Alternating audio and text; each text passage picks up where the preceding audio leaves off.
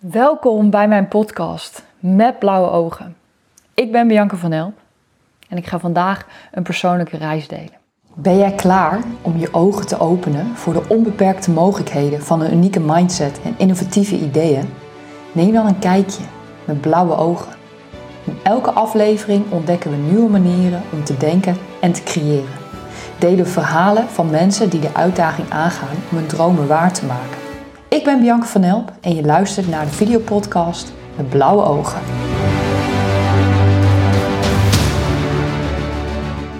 Deze persoonlijke reis heeft ook te maken met de titel van mijn podcast. Ik heb al iets uitgelegd over dat je met blauwe ogen kijkt wanneer je een onbevangen blik hebt op de wereld. Zonder oordelen. Vernieuwende ideeën hebt.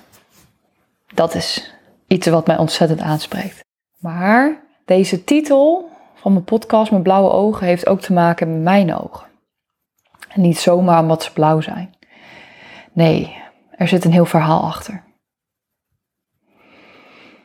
Uiteindelijk is het nu allemaal wel goed gekomen. Maar het is wel een verhaal dat ik 15 jaar heb gezocht waarom ik hoofdpijnklachten had. Uiteindelijk bleek dat inderdaad wel een link te hebben met mijn ogen.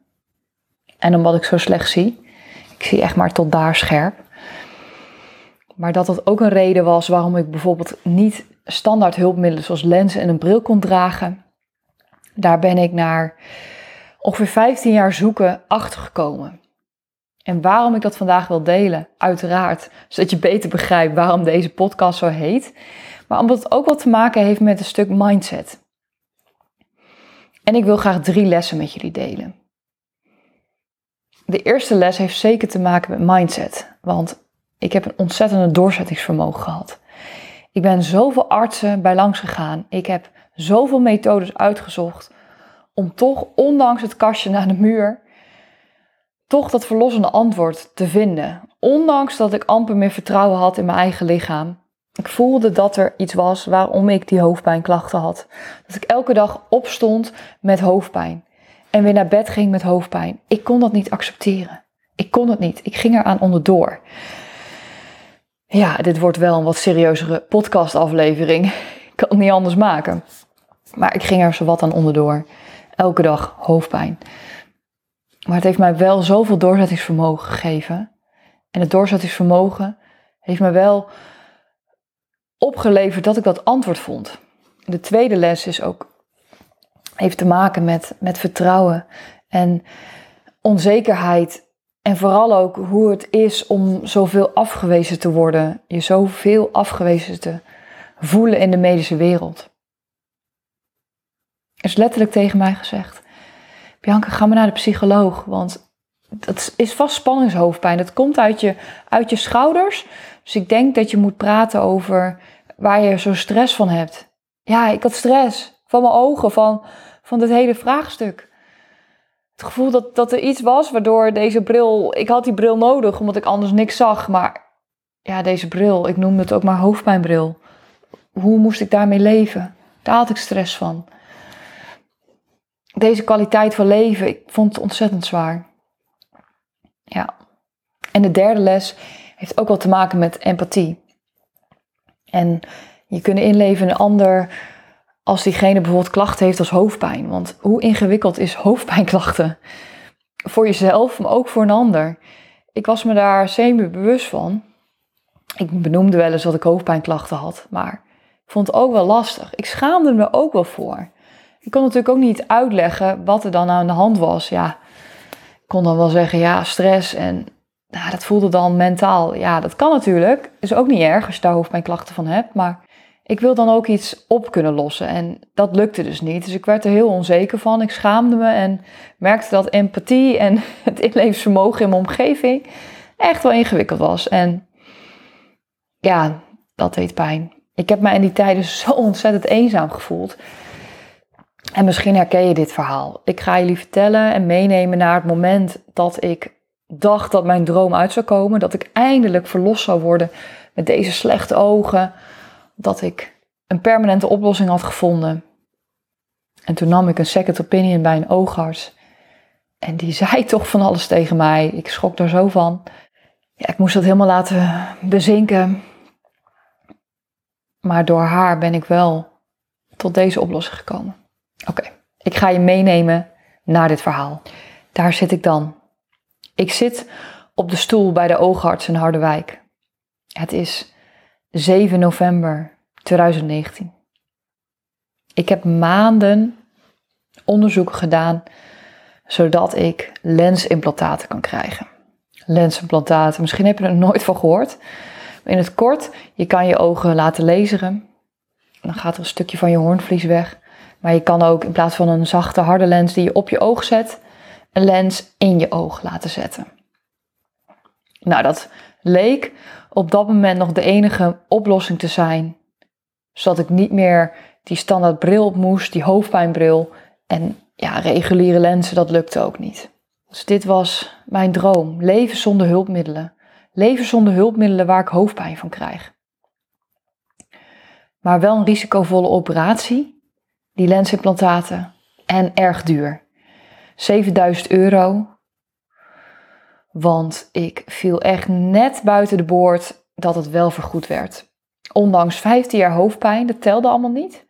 Ik had oren en een neus, dus een bril kon op mijn hoofd staan. Dus voor de zorgverzekeraar geen reden om deze operatie te vergoeden.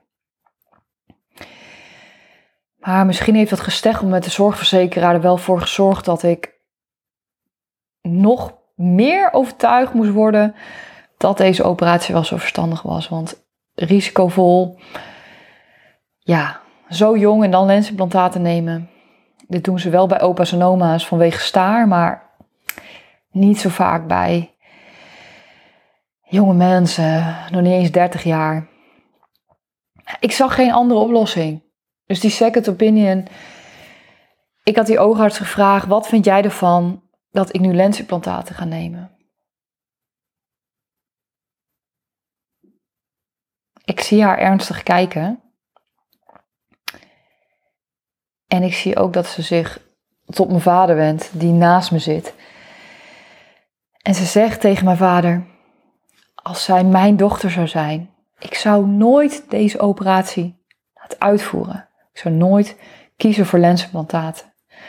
Lensimplantaten, dat is zo risicovol. Ik zie dagelijks mensen waar dat niet goed is bij gegaan. Nou niet goed in de zin dat ze nu weer andere klachten hebben. Bijvoorbeeld hele droge ogen.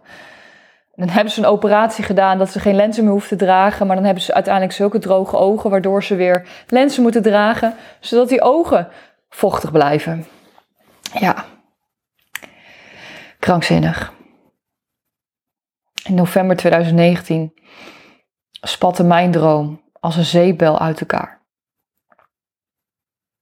Want ik dacht dat dat mijn enige, mijn enige oplossing was om weer normaal te kunnen leven, om weer te kunnen leven zonder hoofdpijn. En dan heb jij al jaren gezocht en de afgelopen maanden allemaal onderzoeken gedaan. Dan ben je zo gelukkig dat je ogen wel die lensimplantaten kunnen verdragen. Dat is namelijk ook nog een heel traject. En dan ben je er bijna, het is vijf voor twaalf. En dan zegt deze ene oogarts doodleuk tegen mijn vader. Nou, als ze mijn dochter zou zijn,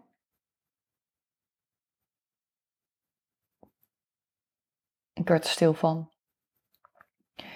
Ik voelde tranen in mijn ogen opwellen en ik dacht, ja, en nu?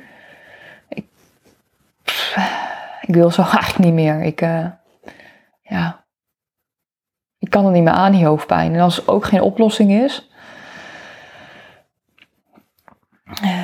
Maar ik keek tussen van mijn vader naar, me, naar de oogarts. Het was net een soort tennisspel voor mij. Ik had wel de indruk dat de oogarts nog iets wilde vertellen. En wat ze daarna vertelde was voor mij zo bijzonder. en is tot op de dag van vandaag nog zo bijzonder. Zij wist namelijk te vertellen wat er met mijn ogen is. En dat ga ik jullie nu, uh, nu ook vertellen. Ik heb deze meegenomen. Het is een uh, muffinvorm. Het is een muffinvorm. Ja, dat zie je goed. Het is een muffinvorm. Weet je hoe bijzonder het is als iemand na 15 jaar kan zeggen wat er met je ogen is? Dat je vervolgens het ook kan googlen en dat je denkt, ja, dit heb ik. Dat is echt een hele bijzondere ervaring. Dus ik kon opeens mijn oogafwijking opzoeken en overlezen. En precies waar ik allemaal last van had, stond daar. Zie nou wel, ik ben niet gek. Ik ben niet gek. Ik kan het nu ook andere mensen vertellen wat het is. En dat ga ik nu doen. Ik ga nu jou vertellen wat er aan de hand is. Met die muffinvorm. Ik heb inderdaad een zeldzame afwijking, oogafwijking. Dus dat verklaart natuurlijk ook wel iets waardoor oogartsen, opticiens, optometristen, het hele scala moeite had om mij dit antwoord te geven. Deze zeldzame oogafwijking houdt in, om toch even de muffinvorm er weer bij te pakken. Deze zeldzame oogafwijking houdt in, je moet even denken dat dit rond is en dat dit mijn hoornvlies is.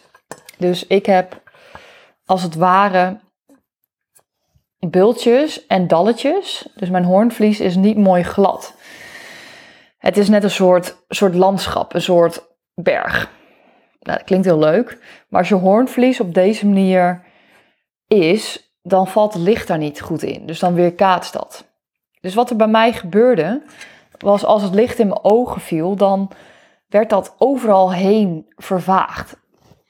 Ik had ook heel vaak het gevoel dat iemand zo wat had lopen gummen. Zeg maar, als, als je dan letters zag, dat het dan honderd keer op elkaar was geplakt, maar dan net elke keer 0,1 mm verschoven. Het is heel lastig uit te leggen wat ik heb gezien.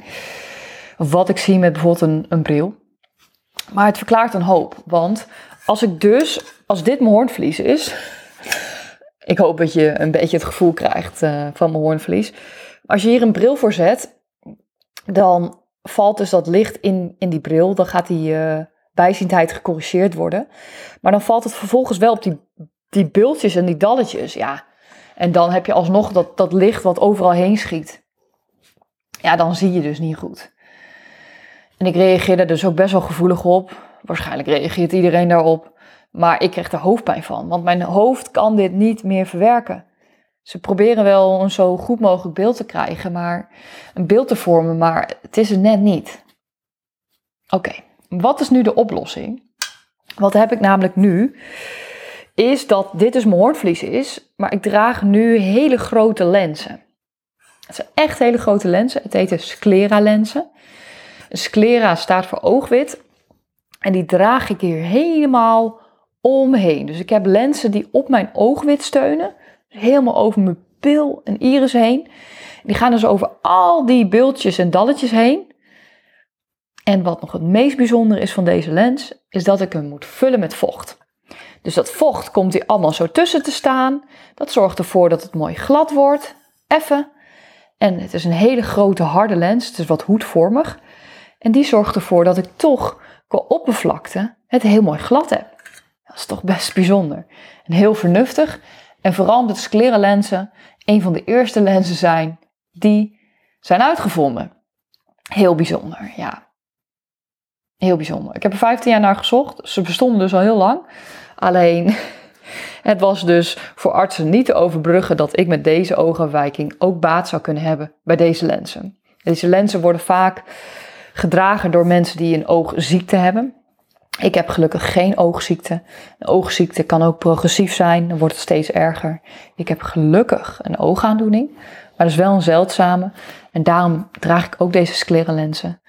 En voor jullie beeld, het zijn medische lenzen en daar betaal je dus per stuk ongeveer 1300 euro voor. Ze gaan ongeveer 1 à 2 jaar mee. Het wordt grotendeels vergoed, dus wees niet bang. Anders zou ik hier waarschijnlijk niet op deze manier bij zitten. Maar ik heb dus echt hele dure lenzen in. Ja, zo bijzonder. En om terug te komen op dat ik dus die lenzen moet vullen met vocht. Ik was al gewend om zachte lenzen en harde lenzen in mijn oog te doen. Maar het is zo'n rare ervaring om dan een lens in je oog te zetten waar dan zo'n heel koud, koud badje van vocht in staat. Oh. De eerste keer dat ik oefende met deze lenzen, het heeft mij serieus anderhalf uur geduurd voordat ik voor het eerst die lens in mijn oog had. Ik had hem al wel eens eerder in het oog, maar dan zat er weer een luchtbel onder. En je wil wel dat dat vocht overal verspreid zit over je hoornvlies, over je oog. anders droogt dat stukje weer uit. Nou, het was echt een heel gesteggel. Het was echt ingewikkeld. Maar ik heb nu al een aantal jaren deze lenzen. En het is zo bijzonder om weer goed te kunnen zien. Helaas was het nog wel, denk ik, minstens een jaar nog zoeken voor de goede vloeistof en de juiste pasvorm van de lenzen. ik heb ook een tijd gehad dat de pasvorm van de sclera lenzen niet goed waren. En dan werd ongeveer binnen een half uur werd dat vocht troebel. Dan had ik daar weer last van. Ja, dus dan kijk je door een soort beslagen ruit. Nou, dat is zo vermoeiend, joh. Dat is echt, dat is heel vermoeiend. Dus dat over mijn bijzondere ogen, mijn muffin ogen. Ja, ja. Dit, is, uh, dit zijn mijn blauwe ogen, mijn, uh, mijn landschap, uh, mijn muffin ogen. Ja, bedankt dat je luisterde naar mijn verhaal. Als je hebt gekeken naar dit verhaal via YouTube, dan zag je misschien dat ik, ondanks dit verhaal, wel eens een aantal keer heb verteld en nu al eventjes geleden is, ik toch wel weer tranen in mijn ogen kreeg.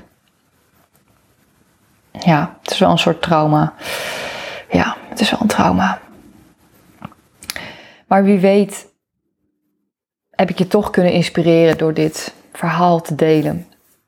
Omdat soms niets is wat het lijkt. Het is heel fijn dat ik deze mooie blauwe ogen heb, maar het heeft me zoveel pijn gegeven. Ik hoop dat ik er nu steeds wat zachter naar kan kijken. En dat het ook laat zien hoeveel veerkracht je kan hebben. Dat het altijd waard is om in jezelf te blijven geloven. Tot op de dag van vandaag merk ik dat ik het lastig vind om naar mijn eigen lichaam te luisteren.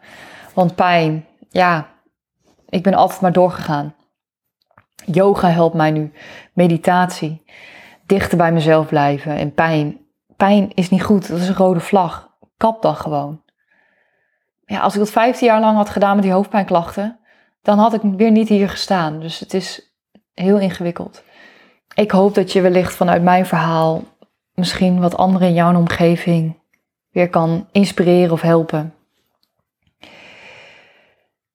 Fijn dat je ernaar wilde luisteren, voor jou een luisterend oor. Ik ben heel benieuwd wat je van deze aflevering vond. Ik hoor of lees graag wat jij verwacht over mindset en innovatie. Wat hoop jij te ontdekken in mijn podcast met blauwe ogen? Ik hoop heel erg dat we elkaar kunnen vinden, dat we met elkaar kunnen verbinden. En ik hoop jou heel graag weer in de volgende podcast te treffen. We hebben samen een reis gemaakt door ontdekkingen en nieuwe manieren om naar de wereld te kijken met blauwe ogen. Dank voor het luisteren. Hou ons in de gaten door onze social media kanalen te volgen en laat me weten waar jij naar uitkijkt. Tot de volgende aflevering. Ja, hartstikke leuk. Het wordt echt niet elke aflevering zo zwaar. Dat kan ik jullie niet aandoen. Maar het is wel een podcast waar we zeker deze persoonlijke verhalen gaan delen. Dus ja, maak je borst maar nat. En tot de volgende keer. Bedankt voor het luisteren.